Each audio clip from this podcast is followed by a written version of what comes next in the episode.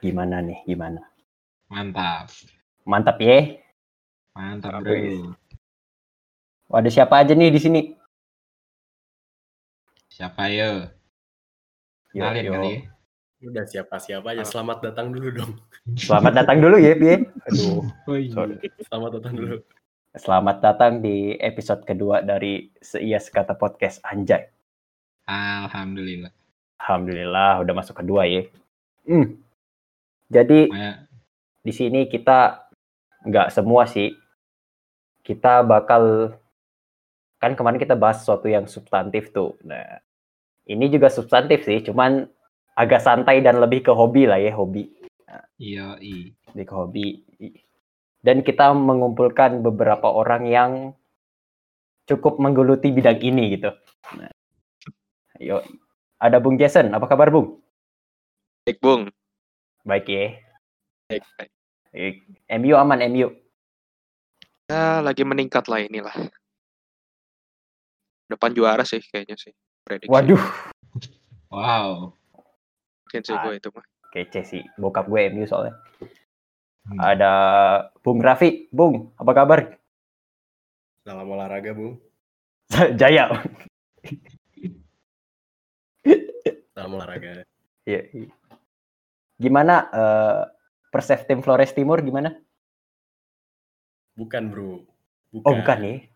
The Bukan. Great Tottenham Hotspur. Anjay. Wah. Anjay. Mungkin great tuh. Great, man. Great ya. Great, man. Nah. Yang satu lagi wah wah wah aja nih. Bung Arnold. Ya, selamat pagi, Bung. Pagi, Bung. Gimana eh, tiga satunya aman, Bung? Aman sekali, Bung. Yoi. FPL gimana poin? Alhamdulillah, Ings Kapten, Bung. Waduh, Bisa, Jadi- bisa, Bung. ini semua main FPL ya. Yo, i. Jadi yang pasti karena wah udah basa-basi mulu kapan masuknya nih semua Wow nih. Mau ngomongin apa aja hari ini, Mik? Yoi apa ya jadi udah ada Bung Jason, Bung Arnold, dan Bung Raffi dan ketiga-tiganya suka memi- eh, memiliki tim favorit sepak bola yang berada dalam satu liga yang sama. Nah, ditambah saya yang sedang juara, yeah. Bacot Untung ya. biasanya kalau habis juara nih. Yoi. Capek bro nunggu 30 tahun asli. Oi, Capek. Gila. Baru pertama kali kan. yoi. Lebih capek Wah. mana daripada nunggu dia nih? Jael.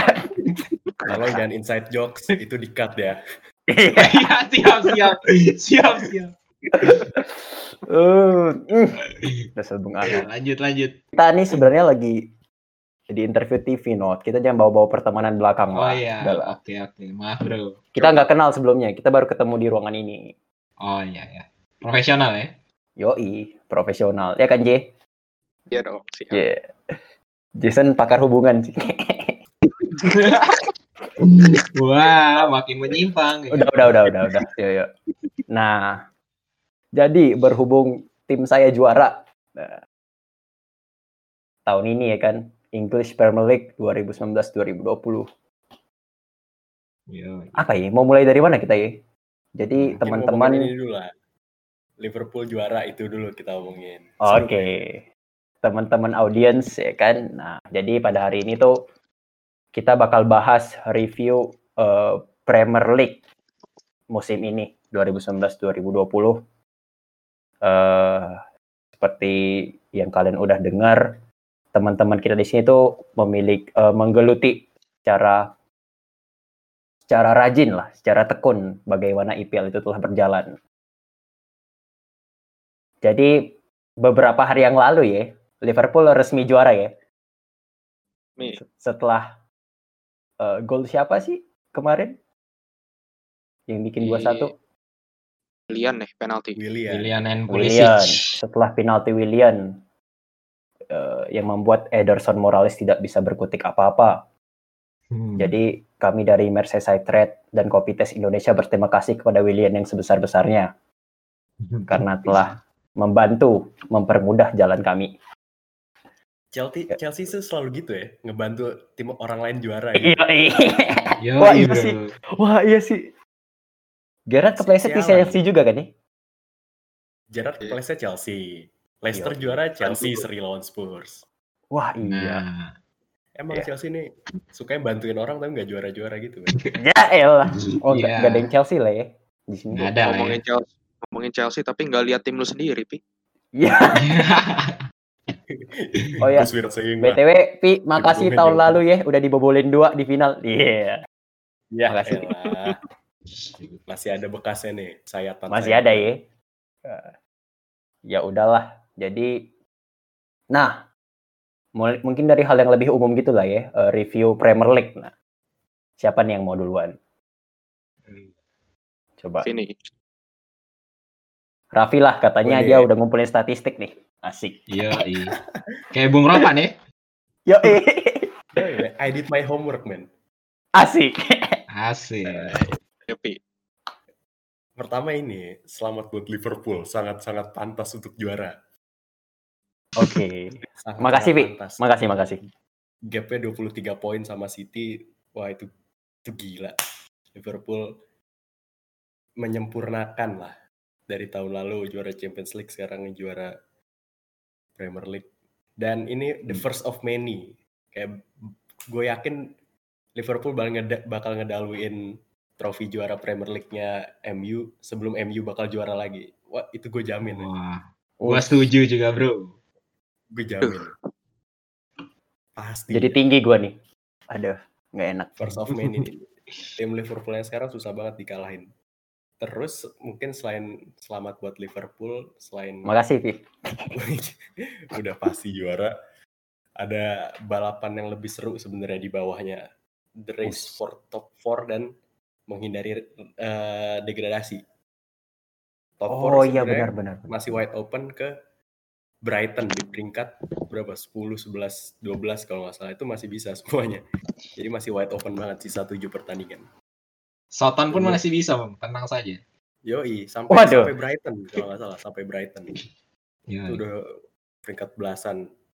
Kayak bakal asik kalau kita ngomongin top 4 sama degradasi. Apa yang bakal Wah, iya degradasi. Nah, itu. Karena Gitu itu emang iya. posisi krusial ya di Liga Inggris. Yoi. Coba Bung Jason. Kalau gua sih ya, menurut gua tim yang udah pasti degradasi, menurut gua tuh Aston Villa dah. Kenapa? Kenapa tuh? Ngeliat kualitas pemainnya tuh bener-bener nggak cocok di Premier League. Jatuh banget. Nggak tahu Hmm. kenapa ya. Kalau Norwich itu gua ngeliat kualitasnya masih di atas Aston Villa loh. Walaupun Hmm. posisinya paling bawah ya, tapi menurut gua sebenarnya emang keberuntungannya Norwich aja ya, emang kebobolan terus gitu loh. Mhm. Kalau Aston. Villa itu main udah gak bener, mainnya gak bener, udah cocok degradasi sih kalau menurut. Oke. Hmm. Menurut lo itu pengaruh dari SDM pemainnya itu sendiri atau mungkin eh, si pelatihnya nggak cocok atau gimana sih si Aston Villa? Mereka juga udah beli banyak pemain sebenarnya musim ini. Masa 11 Hmm. pemain dah mereka beli dah. Dan ngeluarin dana lebih dari 100 juta pound sterling untuk pemain itu. Mungkin salah pelatih juga kali ya bisa dibilang. Karena lu udah gelontor duit sebanyak itu dan beli pemain Iya. sebanyak itu. Tapi lu nggak bisa memaksimalkan DM yang lu udah dikasih. Iya juga Kalau ya. menur- Menurut gua Aston ini kayak penyakit tim promosi gitu loh. Kayak Hmm. Fulham Hmm, musim hmm. lalu, kayak Fulham musim Oh, lalu. iya. Nah, persis.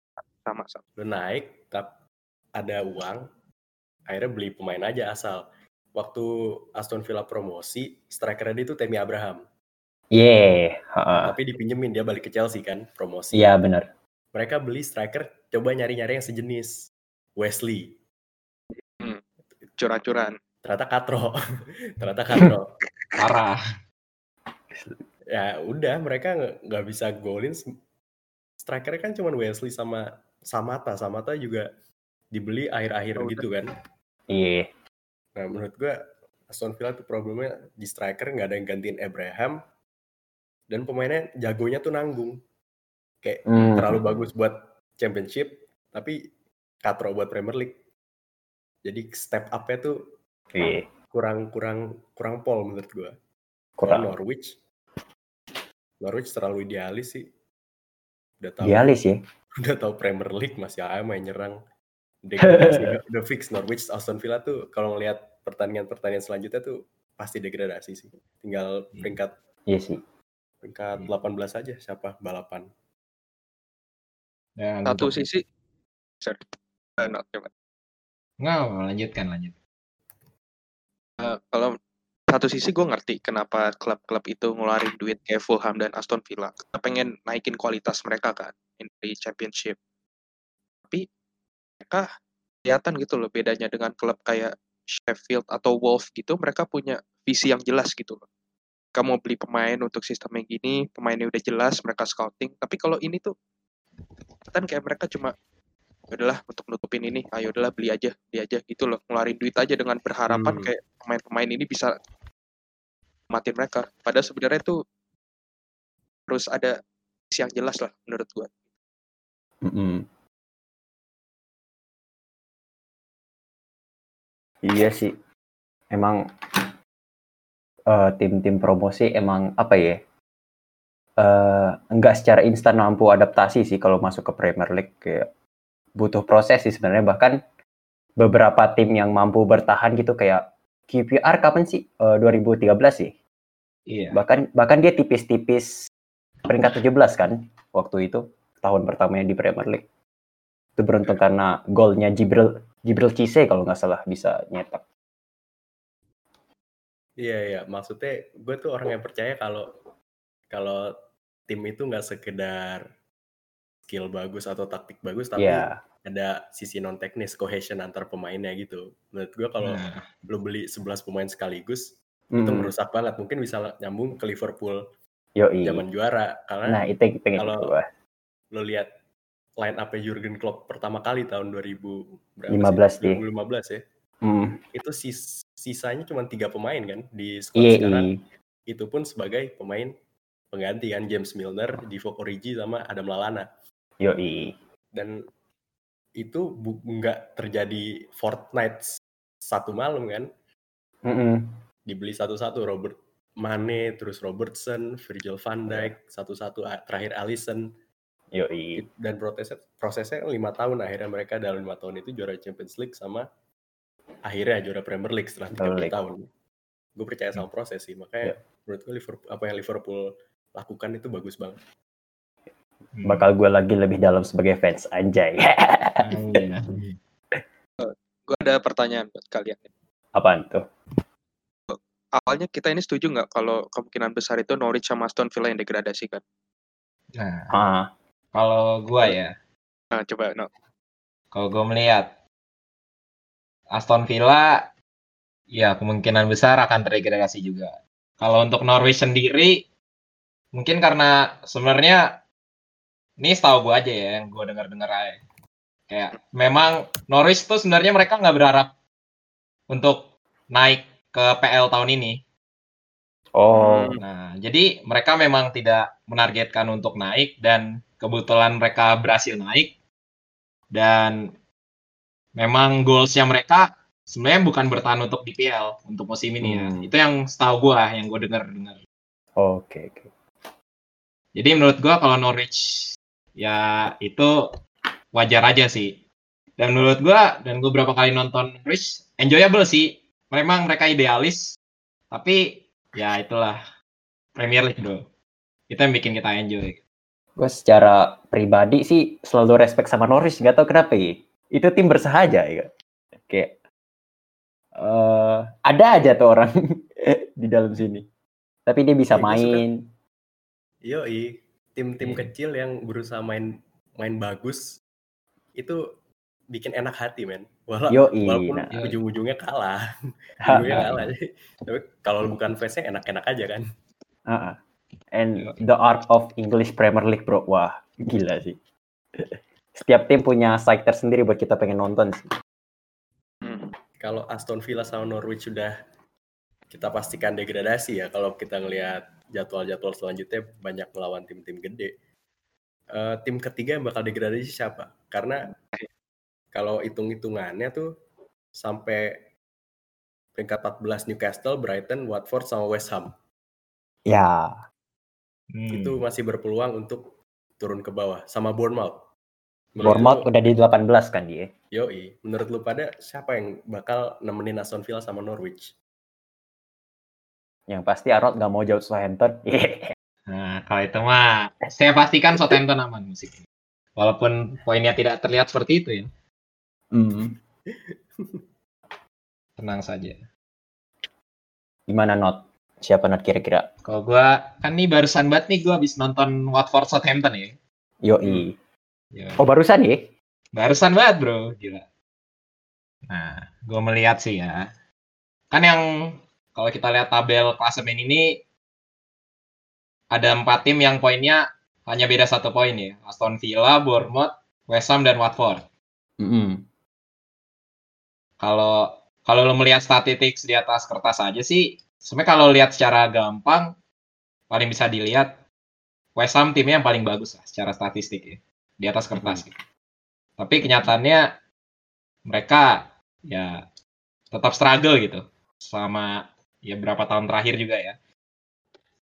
Dan jujur gue belum bisa nentuin sih siapa yang bakal degradasi karena ya kalau melihat tadi Watford sih eh mungkin Watford salah satu yang gua bakal bet bakal degradasi karena mereka sa gimana ya sangat tidak sangat kesulitan untuk mencetak gol gitu karena hanya hanya Norwich yang mencetak gol lebih sedikit dari mereka di musim ini gitu Oke. Nah, dan itu it shows a lot gitu struggle mereka gitu Kalau lu, J? Kalau gue sih kalau gue sih kayaknya menurut gue West Ham dah West Ham ya? tahu Oke. kualitas mereka sebenarnya ada. Kalau nonton mereka tuh jauh. Menurut gua mereka cocok sih degradasi sih.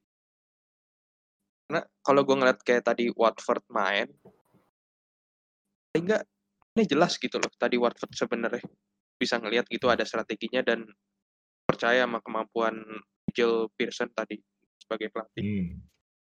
Kalau West Ham tuh nggak West Ham menurut gue Brighton sih mainnya kurang lah Nah, gitu. Kalau gimana, Vi? Hmm, mungkin gue bakal sependapat sama Jason ya. West Ham. Ini tim katro banget ya, padahal pemainnya bagus-bagus. Bingung gue. tapi, tapi kalau lu ngeliat eh, siapa pelatihnya, sebenarnya lu nggak heran. David Moyes. Iya, Oh iya, oh iya dia ya. Heran, Kacau, Oh, bro. oh iya. ya? David Moyes. Moyes. Kalau Watford, Watford sebenarnya karena pelatihnya Nigel Pearson dan pemainnya tuh terlalu bagus untuk degradasi gitu loh. Nigel Pearson tuh Hmm. udah pernah survive degradasi kan waktu sama Leicester. Ya. Hmm. Ya. M- mungkin bisa diandelin buat itu. Sama Watford pemainnya terlalu bagus lah buat degradasi. Dan kalau Ya. Bournemouth walaupun di table mereka paling rendah ya di antara West Ham, Watford, Brighton, Bournemouth kalau ngelihat pertandingan selanjutnya walaupun tren mereka lagi jelek peluangnya lebih gede daripada West Ham.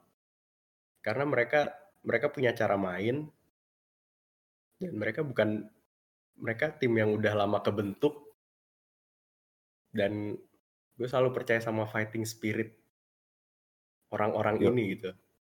West Ham gue nggak ngeliat ada cohesion apa-apa sebenarnya. Pelatihnya Hmm. David Moyes, gue nggak nggak heran juga. Udah Dan, melihat nama pelatihnya udah ya udahlah gitu ya. iya. Dan sebagai fans Spurs, I would really love to see West Ham going down. Siap. silahkan, silahkan.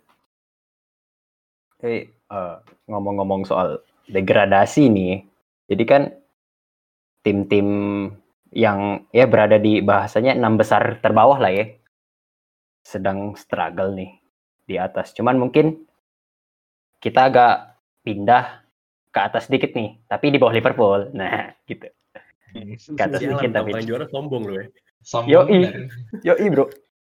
Nah, ada persekutan duniawi nih antara mungkin mungkin bahasanya untuk kerebutin posisi di Champions League lah ya.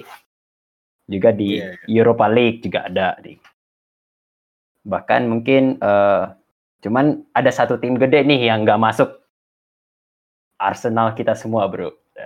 Nah, Oh, itu ada apa nih bro? ya? Deket. Itu iya, tim iya. gede ya? saya lupa ya.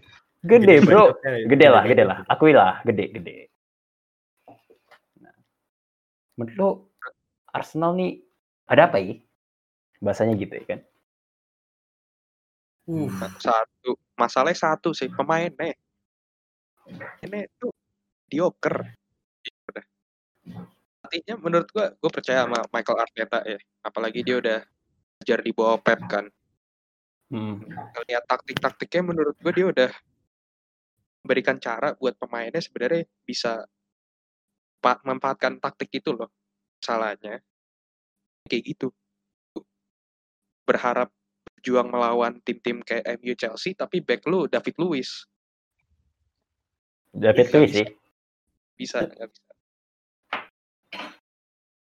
dan gue juga mempertanyakan eh, apa rencana jangka panjang Arsenal gitu. Mereka memperpanjang kontraknya David Luiz sama Iya. peminjamannya Cedric Soares. Nah, Ini dua-dua pemain, dua-dua pemain tua, men. Dan mungkin ap- apa ya buat stabilitas kali atau karena emang back Arsenal yang berpengalaman mungkin David Luiz sama Socrates dan yang lain kayak Pablo Mari atau Rob Holding itu kan dua-dua pemain muda mungkin Arteta nggak mau ngambil resiko untuk itu Iya, iya. gitu. Tapi menurut gue mulai mikir Arteta untuk job segede Arsenal itu belum siap. Frank Lampard pun butuh di derby dulu kan baru ke Chelsea walaupun dia legenda Iya. Chelsea. iya sih. Arteta butuh waktu lagi menurut gue sama apa ya? Gue nggak suka sama Guendouzi sih. Songong banget Kenapa? males gue sotoy banget anjir. Orang apa maunya? Kayaknya gue kalau ngomongin Arsenal penuh kebencian lah. Coba pindah orang. Not, Waduh. coba not menurut lu not. Menurut gue ya. Kalau tadi lo bilang ya yang ini mungkin bias gue ya sebagai fans Soton, cuman gue pengen nanggepin aja. Kan Cedric Soares diperpanjang, kan lo harus ingat juga dia belum dia cedera bro. Dia belum main-main juga kan. Kayak dan gue sebagai orang yang melihat dia bermain selama berapa tahun terakhir, mungkin sebenarnya pembelian yang tepat ya buat Arsenal. Cuman karena belum bisa menunjukkan aja kali ya. Dan gue yakin ketika dia sudah kembali fit, dia bisa membawa adi edition yang bagus untuk slot kanan Arsenal yang berapa tahun terakhir lu bisa lihat emang agak bala ya. Iya. Karena Bellerin juga sering cedera dan kita kalau lu ingat Lee Steiner yang ya gitulah Waduh. Ronta bro. Ronta. Kasihan anjir. Gak Jompo, kuat bro. jompo. Serie A ke. PL kebalik bro. tapi Cedric tuh not good enough for, South- for Southampton dia dia keluar tapi yang masuk tuh Kyle Walker Peter kan berarti dia nggak bagus-bagus amat sebenarnya tapi apa kalau dia nggak pantas di Southampton kenapa menurut lu dia pantas buat main buat Arsenal Nah, Cedric tuh gimana ya? Kok jadi ngomongin Cedric nggak apa-apa lah ya? Gak apa-apa lah. Nah, Cedric tuh kan dia ikut menang Euro kan. Dia right back utama pas Portugal juara kan. Nah, dan mungkin emang attitude-nya kadang agak questionable ya pas selama berapa tahun terakhir di Soton ya. Dan emang banyak juga fans Soton yang melihat dia pengen keluar karena sebenarnya dia pemain yang bagus. Menurut gue bagus. Sa mungkin top 5 lah right back di Premier League. Tapi karena dia inkonsisten aja sih sama di Sultan tuh mungkin dia gue nggak bisa ngelihat spirit dia bermain sih. Kayak dia udah jelas dia nggak mau di situ. Dan ketika mungkin dia pindah ke klub yang istilahnya lebih besar lah dari Soton lah ya. Seperti Arsenal dan mungkin dia bisa menemukan spirit bermainnya dia kembali karena ya he's a proven winner tuh gitu. Hmm.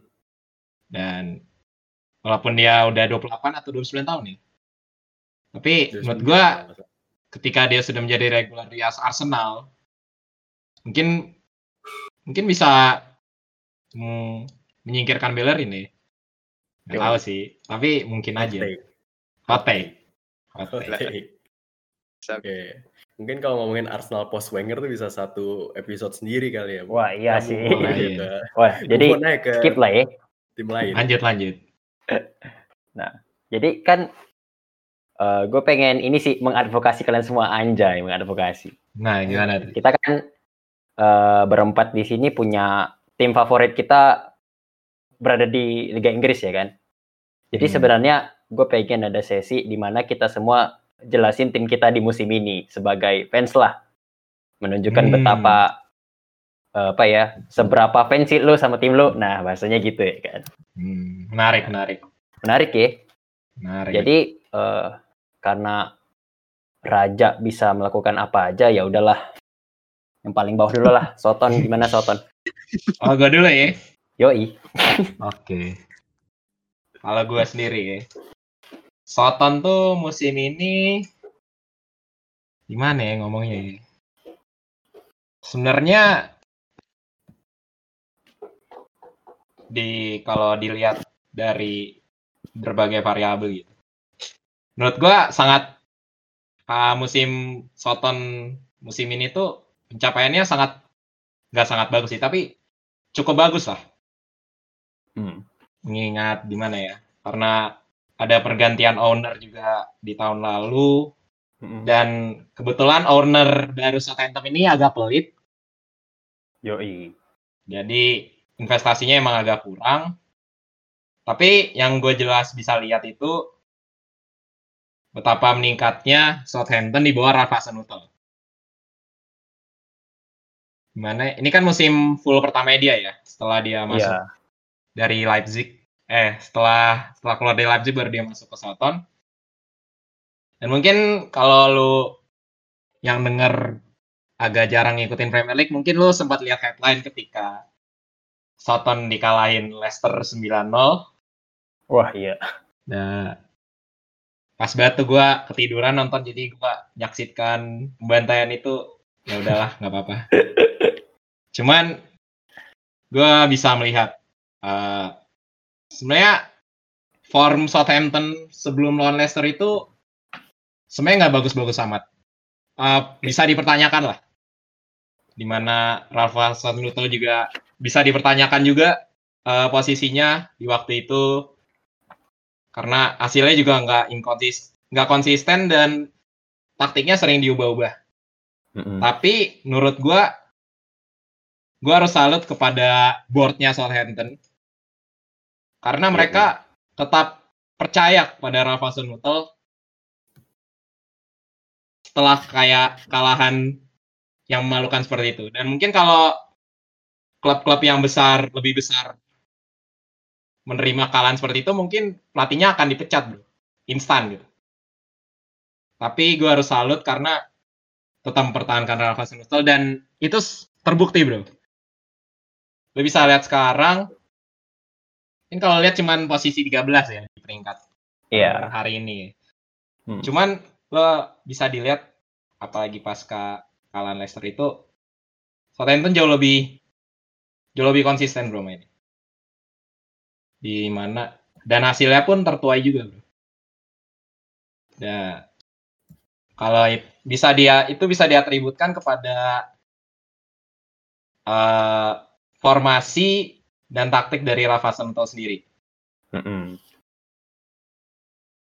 Gue harus akuin Rafa Hasenhuttl mungkin salah satu pelatih terbaik yang ada di Premier League sekarang ya. Ini hot take ya, tapi ya udahlah. Iya, iya. Sangat hot take lah, gila. Sangat hot take, bro. Setuju dong. High like, high like. Lo lihat dia di Leipzig, gokil bro. Gimana ya? Yoi. Bagus kok, bagus. Terus dia bawa ke Premier League. Ya gimana ya? Kan kalau pas Hasenhuttl masuk itu kan Soton agak goyang ya, pasca Mark Hughes. Mm-mm.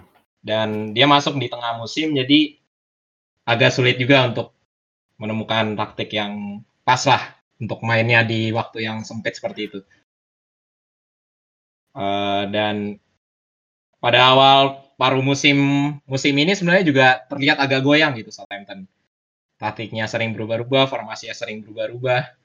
Tapi setelah kalahan yang lawan Leicester itu, Southampton itu mulai bermain dengan formasi konsisten 4-4-2. Mm-mm. Sama seperti formasi yang dipakai Hasenhuttl ketika di Leipzig. Iya iya iya. Nah, mungkin ini para Mas Jason dan Mas Raffi yang lebih pakar FM bisa menjelaskan lebih lanjut nanti ya tentang formasi 4-4-2 ini.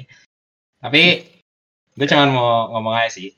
Eh, gimana ketika Ralph Hasenhuttl berhasil menerapkan taktiknya secara penuh seperti yang diinginkan dan hasilnya pun terlihat gitu. Dan bukan hanya taktiknya juga, tapi dia sebagai seorang pelatih gue bisa melihat dia bahkan dia mendapat uh, pujian tersendiri dari Jurgen Klopp ya karena memang Ya. gaya berkepelatihannya juga mirip sebenarnya di mana yang meng- mengencourage pemain high Hmm. pressing ya enak lah buat dilihat sepak bola menyerang gitu Iya sih. dan lo bisa lihat mungkin uh, Southampton musim ini juga bisa tidak bisa dilepaskan dari Danny Ings ya Yoi. Pernah ke Yoi. Liverpool tuh not? Iya, numpang doang, bro. Yoi. Berarti ada didikannya dikit sebenarnya. Enggak, enggak, enggak, enggak, enggak, enggak. Kan gimana ya, Ings kan cedera-cedera tuh, kasihan cuy. Iya. Dia kenceng banget tuh sebenarnya. Gacor parah. Cuman Gacor sih. baru mulai ketika di masuk ke Soton dia mulai untunglah dia tidak cedera, tidak sering cedera dan emang terbukti dia kualitasnya ketika dia pas awal naik mulai naik ke permukaan membawa Burnley promosi ya kalau nggak salah ya. Dia Iya. mulai naik permukaan terus dia direkrut Liverpool dan ketika dia di Soton dia jadi ujung tombak Iya. bahkan gue bisa ngomong the next number nine of England mungkin ya mungkin Bung Raffi bisa mendebatkan saya di sini ya Uh, uh, uh. Bahkan bahkan gue melihat Shining Ings tuh tidak ada di Liverpool. Jadi Southampton tempat terbaik untuk dia sih sebenarnya untuk sekarang. setuju bro klub home klub pas masa kecil ya bro Yoi. dan sekarang bisa terlihat gitu betapa sebenarnya dia striker yang sangat bagus untuk level Premier League gitu Hmm. dan mungkin kalau dari tadi gue sorot masih positifnya aja gue akan sorot agak negatifnya ya Yoi. Eh, Southampton tuh musim ini tuh dari sebenarnya udah dari semusim dua musim lalu ya trennya ini di mana Southampton itu rekornya sangat buruk di home. Gue nggak tahu kenapa. Mungkin dan bahkan gue juga mendengar berapa kabar-kabar dari supporternya itu ketika musim lalu tuh banyak yang sering kali pertandingan home Southampton tuh kosong bro. Karena di karena formnya itu sangat mengecewakan parah dan bahkan musim ini aja masih sangat parah bro. 67% poin yang Southampton dapatkan tuh dari away semua. Kayak tadi Hmm. barusan lawan Watford di away. Tapi ketika main di home katrobat kayak lawan Arsenal. 2-0 cuy. Cacat banget itu mainnya. Nah, itu mungkin salah satu masalah fundamental ya. Kayak dari form home-nya Soton tuh yang sangat kacau. Bahkan kalau nggak salah gue lihat pas musim lalu tuh, eh 2019 itu form Soton di home tuh salah satu terburuk di Eropa bro. Bukan lagi di PL, di Eropa. Gila Hmm. itu udah udah kacau banget bro. Nah itu masalah fundamental yang menurut gue perlu diselesaikan. Dan gue juga menyoroti sebenarnya Soton tuh defense-nya musim ini sebenarnya agak katro juga sih. Kayak dari ini gue lihat nih klasemen nih, kayak paling banyak kebobolan ke berapa ya nih? Kelima ya. Kelima terburuk di PL sih. Kayak padahal komposisinya menurut gue mumpuni bro. Jauh sangat mumpuni untuk tapi sebenarnya memang kalau di Southampton tuh kurang untuk segi pertahanan terutama selepas kepergian Van Dijk ya. Yo, Memang agak bermasalah tidak bisa menemukan penggantian cukup lah setelah kepergian Joseph Font dan Van Dijk.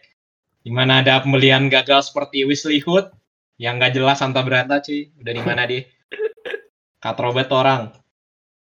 Terus sekarang sebenarnya di pas di Hasan Utel mulai masuk, Jan Bednarek mulai mulai naik dan selalu start ya. Sejak Yoi. Hasan Utel masuk dan menurut gue dia cukup bagus. Cuman penggan eh, komposisinya kedalamannya agak kurang bro.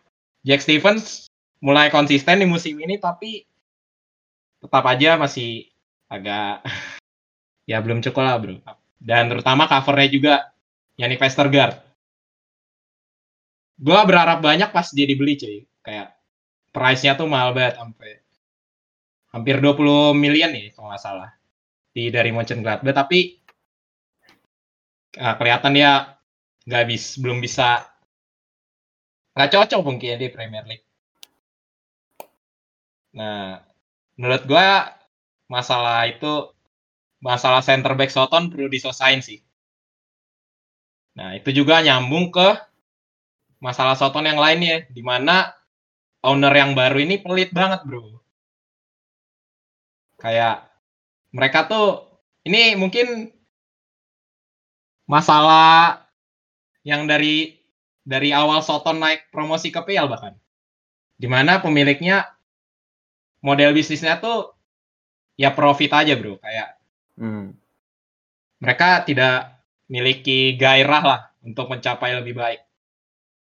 Padahal pas di musim 15-16 pas era Ronald Koeman ada Sadio Mane, ada Dusan Tadic, Iya. ada Graciano Pele, ada Van Dijk.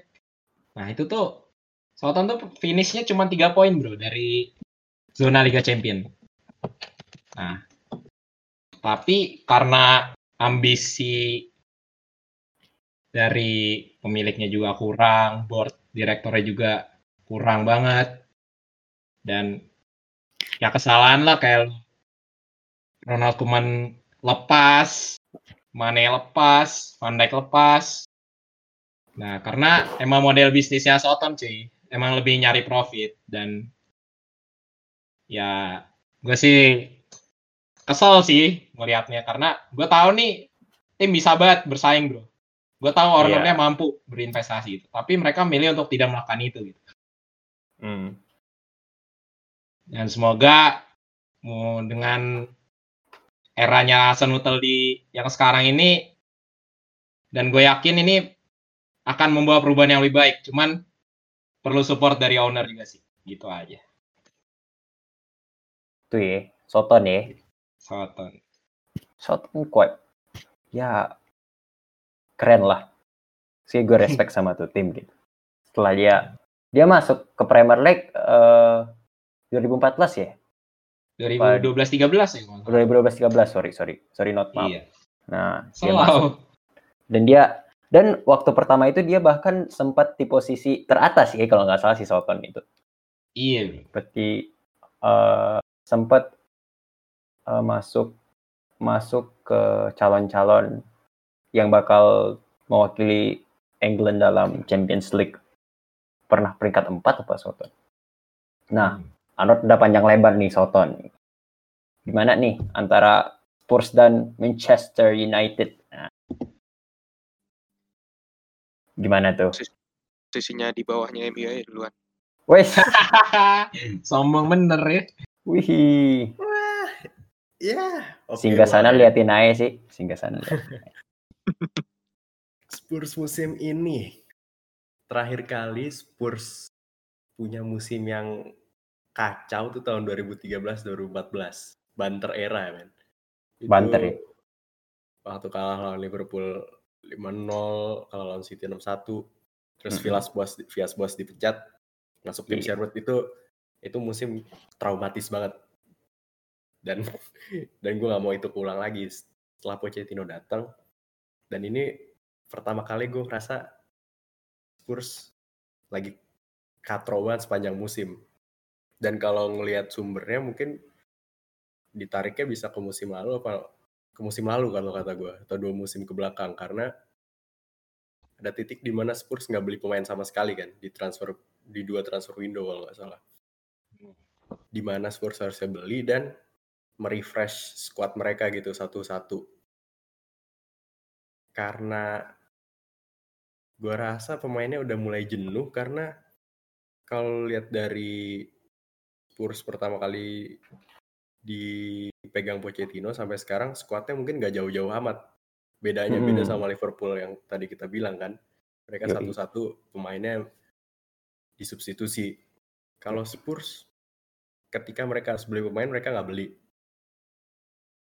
Mm-mm. Dan musim ini akhirnya mereka setelah stadionnya jadi akhirnya beli pemain kan di awal musim beli Ndombele sama Ryan Sessegnon. Ryan Sessegnon masih muda dan kemarin cedera lumayan panjang jadi gue belum bisa nilai.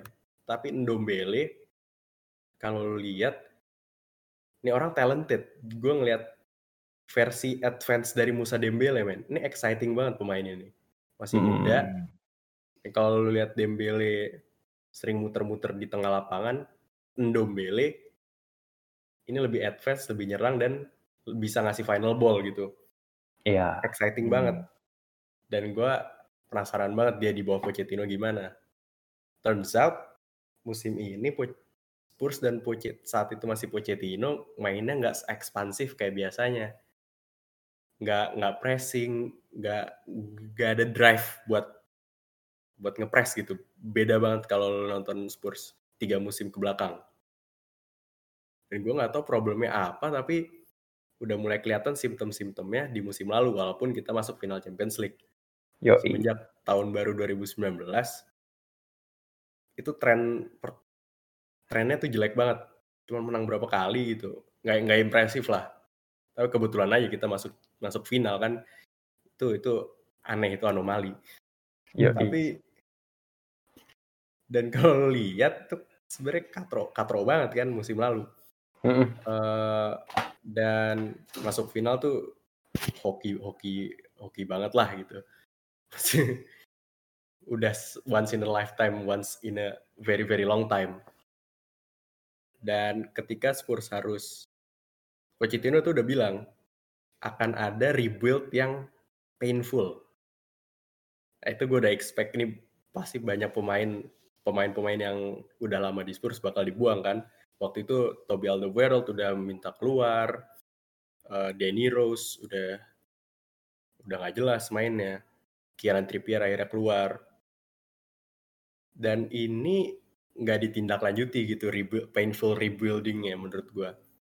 Akhirnya stick sama poin yang sama-sama aja untuk waktu yang lama sebelum akhirnya terlambat. Eh, Daniel Levy nggak suka lagi sama bukan nggak suka maksudnya udah Pochettino udah trennya udah jelek akhirnya dipecat sampai akhirnya Jose Mourinho masuk dan Mourinho menurut gua walaupun kontraknya tiga musim adalah solusi jangka pendek. Karena menurut gua udah usang banget lah Mourinho gitu. Uh, Hmm. waktunya dia udah lewat. Apalagi untuk nanganin tim se sepotensial Spurs gitu. Iya. menurut gua. Dan menurut gua kalau mau dikontrak semusim dua musim nggak nggak nggak tiga musim. Emang kelihatan sih kalau lu lihat gaya mainnya tiba-tiba berubah aja gitu Hmm. tapi udah sekedar itu menurut gua harusnya dan Spurs harus buru-buru nyari pelatih yang yang gayanya lebih ekspansif lagi lah menurut gua karena pemain-pemainnya tuh pantas untuk itu kayak Dele Iya. Alli, Mm-mm. Son, Son, Harry Kane dan lain-lain. Plus beli pemain yang yang yang pantas untuk gantiin orang-orang yang udah usang-usang gitu di sini ada yang menurut gue udah harusnya udah keluar dari kapan tahu gitu. Christian Eriksen tuh baru keluar bulan Januari padahal dia udah udah ngulur-ngulur dari musim sebelumnya. Dan udah keep the players yang mau mau main buat Spurs aja sisanya kita rebuild buat masa depan gitu menurut gua. Spurs Hmm. musim ini akan sangat sangat sangat beruntung kalau sampai masuk Champions League. Susah banget. Apalagi ngeliat trennya Manchester United lagi bagus, Chelsea lagi bagus, Wolverhampton lagi bagus. Gue nggak heran sih kalau misalnya nggak masuk. Sekalian aja nggak usah main di Eropa kalau kata gue. Europa League tuh Hmm. nyampe-nyampein. Iya, iya. Hmm. Gitu aja sih kalau dari gue Spurs. Spurs sih. Yo, Gue mau nanya satu, Vi. yo. Lu sebagai fans Spurs kan, kan lu melihat nih butuh rebuild yang painful nih, kan kata Pochettino. Tapi kan butuh orang yang tepat gitu. Menurut lu siapa orang yang tepat untuk menakodai Spurs itu? Anjay. Nama sih banyak ya. Mau gue banyak. Ada Nagelsmann tuh. Mau banget gue Nagelsmann. Hmm. Marco Rose, Gladbach, Hmm. wah gokil itu bakal gokil. Gue suka pelatih-pelatih Jerman yang yang hip-hip gitu men, ekspansif, yang ekspansif. Hmm. Zamannya Pochettino zaman pressing-pressing tuh gue suka kalau kayak gitu tuh. Iya. Gue suka Marco Rose sih. Menarik banget Gladbach di bawah dia tuh. Hmm. Sik sih. Polis bagus tuh. oh udah Cik. Biarkan beliau beristirahat dengan tenang.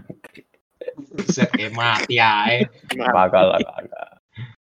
Nah, Tapi Kiken Rush mati nggak ya? nah tapi masih hidup aja Tony Pulis kayaknya pakai kick and rush. Ya udahlah, naik dikit, yuk naik. Gimana nih? Salah satu tim besar anjay, setan merah anjay. Apalagi sih Besar ya? Besar. Yo, Besar lah. besar lah. Mau kita flashback dulu deh ke musim lalu deh. Terus pertama kali Solskjaer itu jadi pelatih. Di interim kan dia awalnya. Kalau kita lihat tuh emang beberapa pertandingan emang ada tren positif lah. Dia kita menang-menang terus, pemainnya lumayan. Kelihatan pemainnya tuh happy gitu mood. Nah, gue plus poin Solskjaer tuh di situ dia bisa naikkan mood pemain. Tapi setelah itu akhir musim tuh mulai kelihatan penyakit MU. Dan terutama menurut gue salahnya itu ada di Solskjaer. Itu kalau pemainnya lagi nggak perform atau menurun, udah hancur. Solskjaer ini nggak punya alternatif atau strategi buat nanganin kalau misalnya pemainnya lagi down. Yang mana itu pasti bakal terjadi waktu ke waktu. Nah, gue ngebahas musim ini, bahas positifnya dulu deh. Menurut gue kalau dari positifnya, gue Solskjaer itu bisa membuat mood-mood tadi satu mood-mood pemain positif. Yang kedua, dia itu menggunakan produk akademi lokal lah. Kita lihat tim ini tuh pemain kayak James Garner dan Brandon Williams dapat debut Ya, dan mainnya oke untuk tim MU lah. Sakit yang dari musim lalu itu masih ada di MU. Karena kalau misalnya kita lihat, wah MU game pertama menang 4-0 nih lawan Chelsea. Wah gila keren banget. Padahal MU di game itu kerjanya cuma defense doang. Handelin counter attack. Dan menurut gue tim sebesar MU terkenal seluruh dunia dan punya fans banyak itu mau nontonin tim favorit gue cuma defense selama 90 menit. Saya nggak gitu. loh. Dan lu punya pemain dengan kualitas. Gue MU kualitasnya udah 3 lah di liga. Untuk lu punya pemain kayak Paul Pogba, Rashford, dan yang kawan-kawan, sementara lu cuma gue dapet kesempatan perang counter attack doang tuh nggak bener menurut gue loh MU. Dan gue menurut gue ini Solskjaer itu sebenarnya nggak tepat untuk jadi manajer MU menurut gue cocok itu kayak tadi Raffi bilang Nagelsmann. Hmm. suka sama dia jujur. Karena tik dia jelas satu. Dan kedua yang gue lihat itu walaupun dia pindah tim sekarang ke RB Leipzig dia bisa adaptasi dengan pemain yang dia punya di RB Leipzig menurut gue walaupun dia pindah ke MU bisa manfaatkan pemain-pemain yang ada di MU tapi sambil implementasi si yang dia punya. Kayak main high pressing lah direct football main attack cepet gitu loh. Kalau kita ngeliat pemain-pemain MU sekarang tuh punya kapasitas untuk main kayak gitu loh sebenarnya. Iya. pelatihnya yang gue tuh eh, eh, Solskjaer kalau sebelum pertandingan ngomong kayak cuma ya udah kalian bisa kok main aja lah terlalu ngandelin mainnya untuk menciptakan sesuatu gitu loh. Kita lihat Bruno Fernandes masuk ke MU. Oke, mainnya jadi mendingan. Tapi kan kelihatan banget kalau dia hanya menjadi satu-satunya central attacking di MU gitu loh. Hanya melalui dia. Kalau pertandingan selanjutnya dia di marking udah habis gitu attackingnya MU. Hmm. Ada strategi lain dan ada pemain-pemain juga sih sebenarnya. Untuk ke poin dua gua negatifnya itu pemain MU masih banyak yang mediocre. Main kayak Phil Jones, Pereira, Lingard itu udah buang aja. Udah gunanya itu. Ma- Buang-buang budgetnya doang. Nggak jelas. Nggak jelas. Gue suka dari Bruno Fernandes itu, kalau ngelihat dia ngambil bola, apa yang pertama dia lakukan pasti selalu ngelihat ke depan. Nyari opsi peran yang ada ke depan. Menurut gue itu yang nggak ada di Paul Pogba ya menurut gue. Di midfieldnya MU tuh kurang. Gitu. Lo ngelihat pemain kayak Fred, Mine, Era, ah itu mah dapat bola mereka passing balik ke center back-nya. Gitu-gitu aja muter-muter terus. Sementara di Liga Inggris ini kan mayoritas kecuali tim Big Six itu mainnya bakal fan deep di belakang gitu loh dengan dua blok. Lu butuh pemain kreatif kayak Bruno Fernandes dan Paul Pogba kerjasama untuk mecahin fansnya itu. Tapi kalau pemain itu nggak perform, tugas Solskjaer itu ngasih strategi ngebedain Solskjaer sama Pep itu Pep punya kualitas pemain yang bagus tapi kalau pemainnya menurun dia punya strategi yang jelas. Dan nempatin pemainnya di sini di sini di sini untuk lo ngebuka ruang untuk pemain lain. Gue nggak ngeliat itu ada di diri Solskjaer menurut gue cocok untuk MU ganti pelatih sih. Dan untuk beberapa musim ke depan menurut gue main rekrutan MU itu rekrutan MU atau perlu ada di right wing sih menurut gue karena kita mainin Dan James terus bakal kalah lah itu. Pemain gak jelas itu. Mainin Greenwood. Greenwood itu masih terlalu muda menurut gue nggak bisa diandelin untuk main tiap game. Hmm. mengenai Jadon Sancho. Jujur menurut gue sih dia nggak worth it untuk 100 kayaknya kan 120 juta pound sterling atau 100 gitu ya. Iya. menurut gue sih itu nggak worth it aja. Karena banyak pemain yang menurut gue punya skill dan kualitas yang sama dengan harga yang nggak segede itu bisa saya ini menurut gue midfield karena Paul Pogba sama Bruno Fernandes menurut gue kedalamannya kurang sih. Nah, terbaik. Menurut gue kalau MU bisa kualitas pemainnya itu dan kedalaman squadnya, menurut gue MU sangat mungkin bisa untuk fight buat title sih. Itu dari gue. Hmm. Asik ya. Iya sih. Itu tim gede tapi sempat semen, sejak Sir Alex eh Sir Alex cabut ya kan Moyes Hmm. nah goyang tuh goyang kan goyang lagi udah gempa kali ya zaman Moyes ganti ganti ganti ya gue udah keliat prospek sih sama Ole. Udah gue lihat-lihat adalah prospeknya semenjak eh semenjak mungkin setelah berapa tahun sih dari zaman Alex ke sekarang? Tujuh adalah ya? Sekarang udah tujuh tahun. tujuh tahun lah ya. Ada sih prospek eh, mulai dari mungkin Jose Mourinho sempet ya kan? Terus juga ada eh, Louis van Gaal.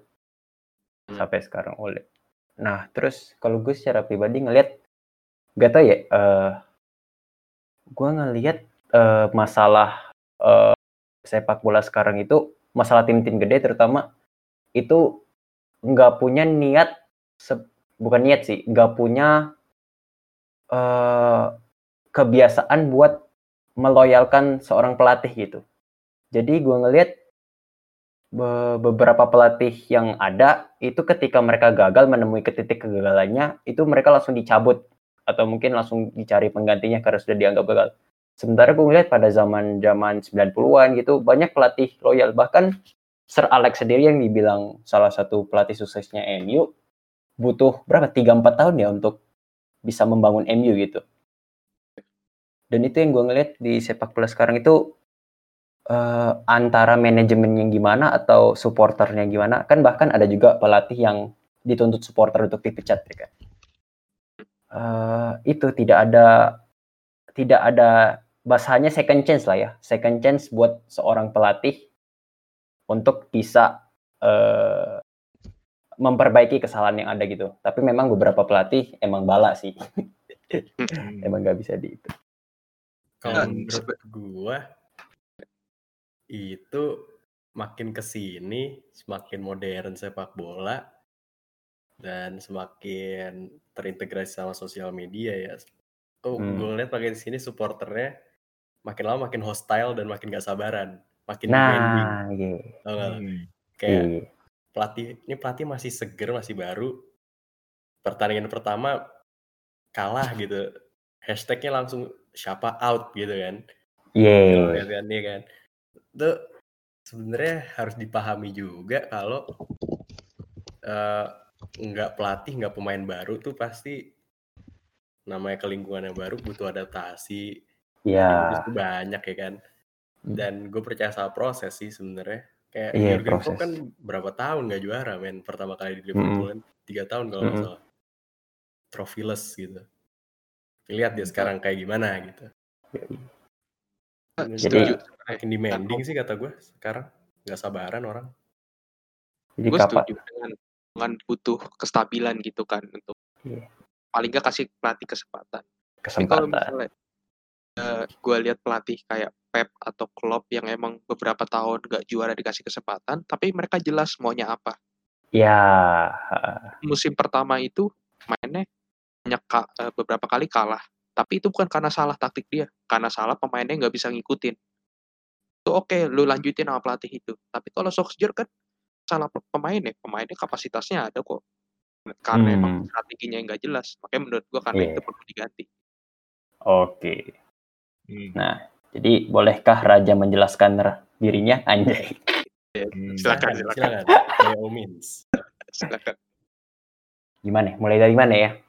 Jadi cukup krusial itu ketika tanda tangan Klopp masuk ke manajernya Liverpool. Itu kayak ada semacam tonggakan tinggi atau langkah langkah besar lah untuk klub Liverpool ini eh, ingin memperbaiki sistemnya. Dan juga eh, sebenarnya sembari Klopp masuk ke Liverpool di situ juga ada pergantian manajer tim. Eh bukan manajer pemilik jadi ada salah satu eh, eh, grup sport besar di dunia bernama Fenway Fenway Group Sport. Dia juga punya tim baseball di Amerika kalau nggak salah. Itu resmi memiliki Liverpool bahasanya gitu. Dan kita ngelihat kalau apa ya gue sebagai fans Liverpool di awal 2010-an 2011-an itu eh, cukup banyak menjadi bahan bulian lah para supporter sepak bola. Karena mungkin nggak pernah menang terus juga angin-anginan ya pada zaman itu juga. King Kenny Dalglish pun yang notabene-nya salah satu pelatih tersukses Liverpool waktu 2010 atau 11 gitu masuk ke Liverpool lagi setelah kedua kalinya ya. Kan dia dulu sempat ngelatih tuh setelah 85 atau 84 eh cuma mampu memberikan waktu itu Piala FA Piala FA nah Kenny Dalglish seiring perjalanannya Kenny Dalglish eh kenapa ya Liverpool tuh selalu mampu eh, memiliki talenta-talenta berbakat mulai dari tahun 2010 tuh eh 2010 tahun 2000 tuh muncul bakat-bakat seperti Robbie Fowler, Stevie G, terus juga ada Michael Owen juga dari Liverpool.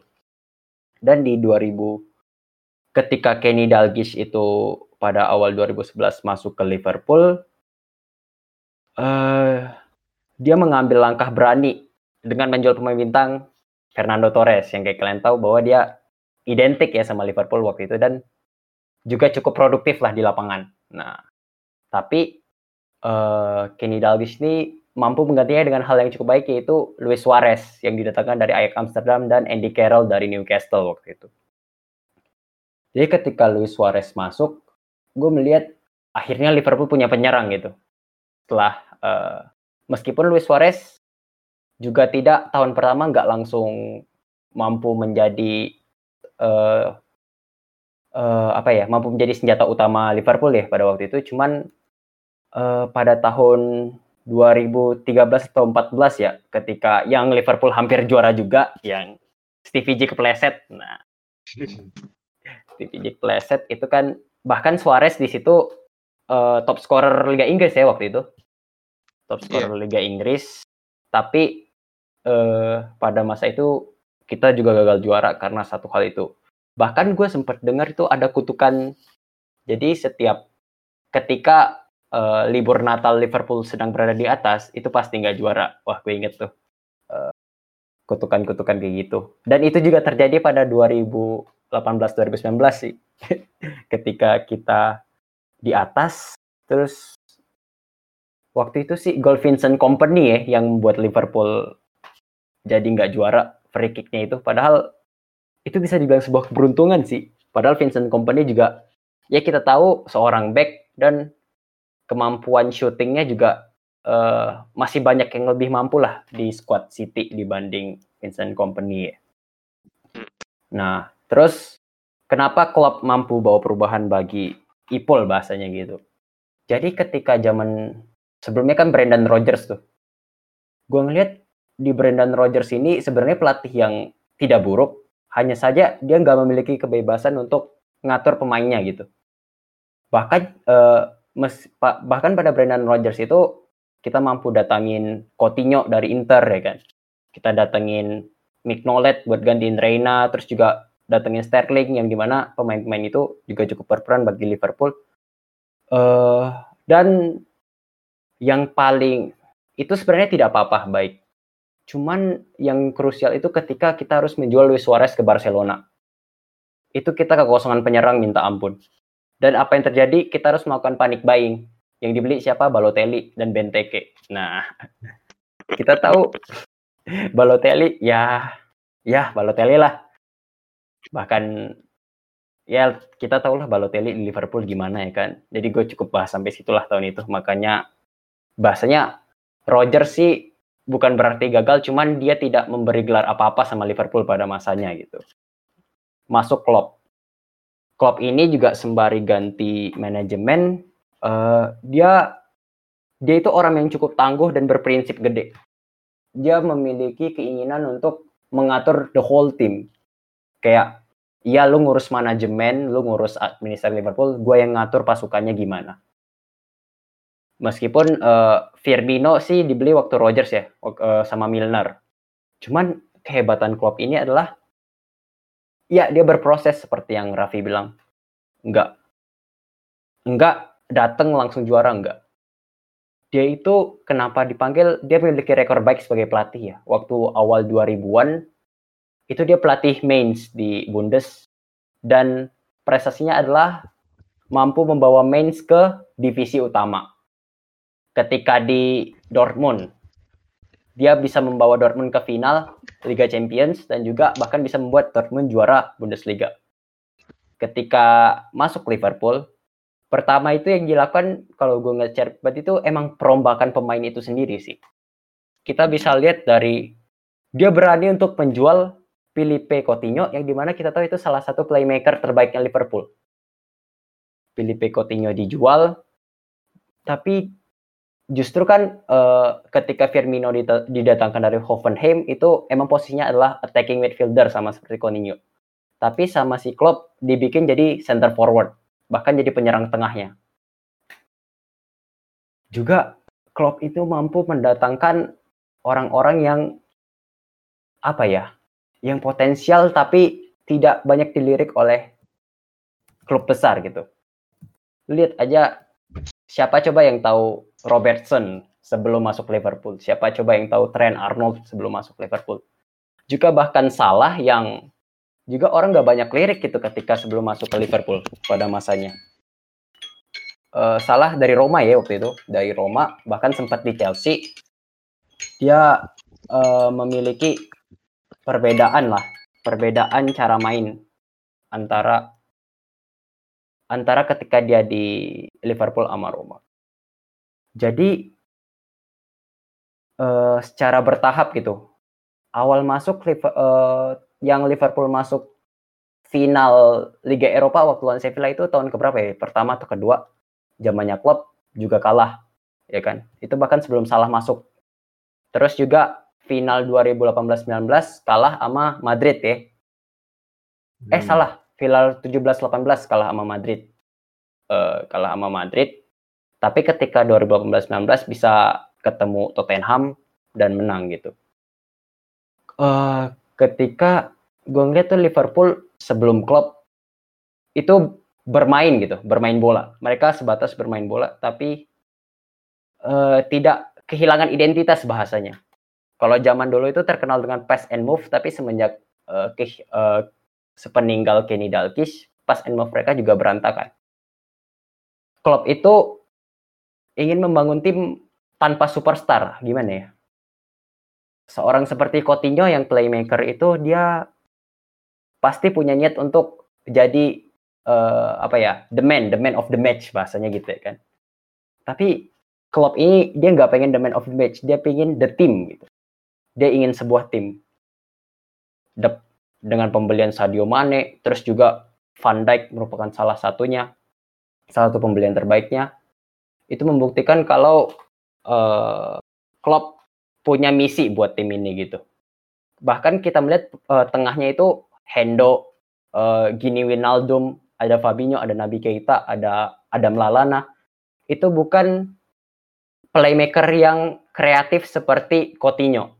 Tapi mereka mampu di uh, diatur sedemikian rupa kerja keras sama Klopp sehingga mereka bisa maju mundur maju mundur dan menjadi jembatan antara depan sama belakang. Juga kehadiran Robertson sama Arnold itu mereka bukan hanya sayap kanan dan kiri gitu. Mereka bukan hanya back kanan dan back kiri. Mereka maju ke depan bahkan sesekali Arnold juga uh, tendangannya bisa jadi umpan yang cukup berbahaya dan bahkan bisa mencetak gol gitu si Arnold.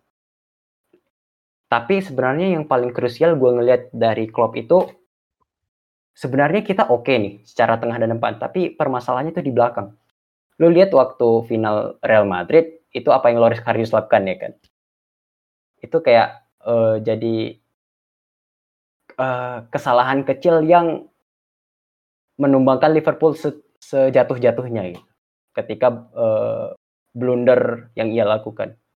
Nah, ketika setelah tahun mereka kalah, apa yang uh, Klopp lakukan adalah Van Dijk dan Alisson Becker jadi ketika depannya sudah rapat, sudah cukup kuat, dia membutuhkan kiper yang bisa dipercaya. Lu bayangin kalau kita punya punya back yang bagus tapi kiper yang tidak bisa dipercaya, pasti mereka ketika sudah melewati back, mereka udah pasrah gitu ya kan.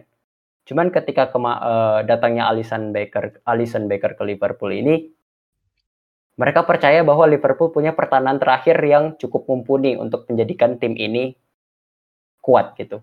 Dan hal itu terbukti dari dua tahun terakhir di mana mereka juara champion dan uh, barusan juara liga. Panjang juga ya gue ngomong. Yaudah segitulah kira-kira. Juara bebas. Juara bebas, yoi. Ya. Gitu. Tapi. Ya. Emang ya. tadi apa yang Mikdad bilang bener ya. Klopp uh, apa yang dia mau adalah sebuah tim ya bukan individu. Dia dia ngelihat Coutinho nggak cocok di formasi 4-3-3 mau ditaruh di mana? Ada Mane ada salah. Di tengah dia juga nggak bisa. Akhirnya dijual ke Barcelona. Selain uh, Klopp adalah sosok yang otoritatif yang disiplin dia juga jadi uh, teman untuk pemain ya kalau kata Dejan Lovren he is your friend but not your best friend gitu. Cukup cukup humble untuk jadi teman tapi nggak sampai lu ngelewatin garis kalau dia itu bosnya gitu. Dan dia juga pinter mendelegasikan karena apa yang gue baca di artikel di dia Atletik di, hmm. di di Atletik apa di The Guardian gitu. Dia bilang eh di artikel itu bilang kalau Klopp itu mendelegasikan dressing room ke tiga or ke empat orang paling berpengalaman di sana Jordan Henderson, James Milner, Virgil van Dijk sama Gini Wijnaldum. Jadi kalau ada masalah-masalah internal, klub nggak ikut campur. Dia Hmm. percaya sama Jordan Henderson dan kawan-kawan karena kapasitasnya sebagai kapten itu bagus banget Jor- Jordan Henderson gitu. Iya. Loyal bro. Nah, Betul dan menurut gua ini yang unity ini yang bikin Liverpool selain karena taktikal ya karena secara non teknis akhirnya eh, susah dikalahin kata kalau kata gue akhirnya mereka jadi tim yang juara gitu. Dua tahun berturut-turut juara kompetisi besar. Menurut gue gitu sih. Mana J? Eh, kalau gue sih menurut gue poin terpenting dari Liverpool itu yang gue lihat adalah harmonisasi antara tim dan juga manajemen. Manajemen Nah, ya. Menurut gue tuh Liverpool tuh klub yang dijalankan sangat baik. Hmm. Lapangan itu pemain-pemainnya rekrutannya smart buy lah semuanya gitu loh. Yang tadi lu udah jelasin juga kan dengan pemain-pemain yang emang fight buat tim gitu loh dan gak ada ego besar dan satu lagi luar lapangan tuh Liverpool tuh matchnya selalu baik dan udah mendunia gitu loh. Dan dengan Iya. brand deals brand deals yang semakin banyak mereka bakal dapet tuh tapi ini pasti dalam kondisi finansial yang juga sangat sehat gitu loh. Menurut gua nih eh, klub yang dijalankan baik lah menurut gua sangat baik. Tahun ini ya, bagus ya. Hmm. Mana not? Hmm, karena lu pada positif dan juga baru buat Liverpool menang, tapi gue cuma mau apa ya, ngingetin gitu, tapi enggak sih. Ya, Hmm. cuma ngingetin aja sih di Liverpool pas sebelum pandemi ya, pas awal Hmm. mulai masuk 2020 agak goyang ya, kayak Yo iya. kayak Goyang. ya mereka kesingkir dari Champions League terus kalah lawan Watford 3-0 3-0. Nah, Wah. terus kalah langsung kalah lawan Chelsea 2-0 di FA. Nah, nah, itu mungkin ini berapa gue juga mendengar dari beberapa ahli doang cuman kan klub udah lima tahun ya di Liverpool ya. Eh, Iya, ini tahun kelima ya. 2000 2015 Lima. masuk. Hmm. Nah, iya. Nah, mungkin Pak beberapa tim sudah mulai menemukan kelemahan Liverpool lah istilahnya ya. Iya. Nah, terutama strategi klub yang sebenarnya bisa dibilang nggak nggak terlalu berubah-ubah juga ya. Berubah. Tapi menurut gue sih Liverpool dengan kapasitasnya sekarang dengan keseluruhan manajemennya, struktur klubnya juga menurut gue ya mereka adalah dalam jalan yang benar lah. Dan mungkin ya gue bisa setuju juga mungkin mereka bisa menyalip kembali trofi jumlah trofi PL punya MU ya. Mungkin Yoi. dalam 2-3 tahun mungkin bisa. Tapi ini Iya. piala PL pertama Liverpool, men. Liverpool cuma Oh, iya. juara divisi utama. Oh iya, divisi utama maksud gua. Sorry, sorry. Ya udahlah. Capek nggak sih? seru seru seru Seru ya? masih panjang. Eh, masih Betul. berapa match week lagi sih? 7 ya? 7 match week ya? setuju Ini match week ketiga dua ya. 32. Jadi sebelum kita tutup nih, gue mau nanya, tapi quick question, quick question. Terkait musim ini nih, Hmm. dari lo semua dah. Hmm. Siapa best player PL musim ini? Uh, Quick, quick, Ah. quick. Cepet, quick. Siapa dulu? Yuk. Raffi J, dulu Raffi. Raffi dulu ya? Raffi. Gue udah rada lupa sih udah tiga bulan gitu gak main. Sebut nama Evi, sebut nama Ae satu gitu. main Liverpool. Eh I'd say Virgil van Dijk atau Alisson mungkin ya. Gak tau gue asal Oh. sebut aja. Tapi gue rasa iya sih. Salah nggak nggak nggak sebagus musim lalu. Atau mungkin Sadio Mane kali kalau musim ini. Nah, Virgil gimana, Not? Dijk? Oh, si Rapi. Van Dijk ya? yoi Oke, gimana Not?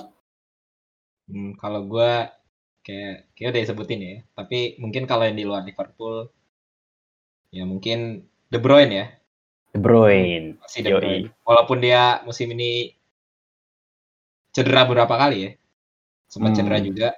Tapi buktinya dia dengan masih tersisa 8 pertandingan walaupun City juga tidak bisa mengejar Liverpool musim ini, Yoi. tapi dia buktinya tetap menjadi masih menorehkan 16 assist Mm-mm. Iya. Iya. dan mungkin salah satu kehilangan terbesar juga City ya buat musim ini ketika De Bruyne cedera. Jadi mungkin ya De Bruyne. Iya, gue ngeliat City itu tim yang sempurna sih, nggak tahu kenapa ya. Gimana, J? Lu, Bagus. Gue sih setuju De Bruyne. De Bruyne ya? Nah, menurut gua satu-satunya alasan City ini ngedrop Hmm. itu karena emang defense-nya sama attack-nya yang lagi nggak bener aja itu. Punya emang lagi turun aja. Tapi menurut gua De Bruyne itu salah satu tik konsisten yang ada di tim City yang selalu bisa bikin City temanya selalu berjalan terus lah menurut gua. Iya sih. Gimana ya? Komik. Udah Gue. kali ya. Oh, lah, masih ada lu ya? Gue sih, Iya. gue mirip Raffi sih, Van Dijk. Tapi gue keduanya kalau nggak Trent Arnold sih. Karena menurut gue eh, Liverpool tanpa Van Dijk tuh, Van Dijk tuh monster men anjing. Siapa? Itu dinding gede bro. Itu dinding gede yang lu harus Iya. lewatin dan sulit bro. Hmm. Kalau Arnold sih alasan gue satu dia di bertahan sangat baik dan membantu penyerang juga sangat baik gitu. Secara sederhananya gitu ya kalau gue ngomongin Arnold ya gitulah kira-kira kalau dari gue. Hmm. Ya, jadi gimana kan obrolan hari ini? Keren ya, obrolan jam 2 malam ya. Wah, jangan sebutin dong, Vi. Kelihatan kita nggak tidur. Iya, Bro. Jangan, Bro. Ya, beginilah ya. Wah, eh, ngomong-ngomong terima kasih nih buat pendengar udah dengerin ocehan-ocehan kita. Jangan bosen. Dan bosen. Mulai. Kalau mau ada yang kalian mau minta kita bahas juga sabi lah ya. Nah, Kalau mau jadi guest star gitu, us, asik. Bisa. Kita sangat terbuka, Bro. buka, yoi. Terus juga kita bahkan mungkin di episode selanjutnya suara kita nggak ada gitu, ada suara lain. Jadi ja- nggak akan bosan kalian semua. Nah, Iya, iya, Bro. Jadi ya begitulah. Eh, mungkin episode hari ini kita cukup di sini lah ya, sampai di sini. Mungkin juga banyak dari kalian yang bukan penggemar bola tapi udah rela-rela dengan satu jam ocehan kita gitu tentang bola gitu. Nah, cuman buat kalian yang penggemar bola, yuk siapa tahu kalian punya pengetahuan lebih bisa bi kapan-kapan jadi guest star kita. Jadi narasumber utama bahkan. Iya. Jadi gimana J tutupnya nih J? Gue bingung J. teret, tet, teret, tet. Eh, itu podcast lain, Deng. Waduh, Bang. Hati-hati copyright. Bikin sendiri dah. Bro. Tutup aja mic silahkan. Ciao, Tutup gitu, aja. ciao. Tunggu. Lu tau nggak sebenarnya kenapa lama tutup? gue lupa cara matiin. gue cari caranya. Tadi gue cari ya cara. sabar, sabar, sabar. Tidaklah. Ntar dikatain, Sembari. dikatain. Yeay. Wah, kita udah dianggap. Udah jelek nih rapor kita ya kan?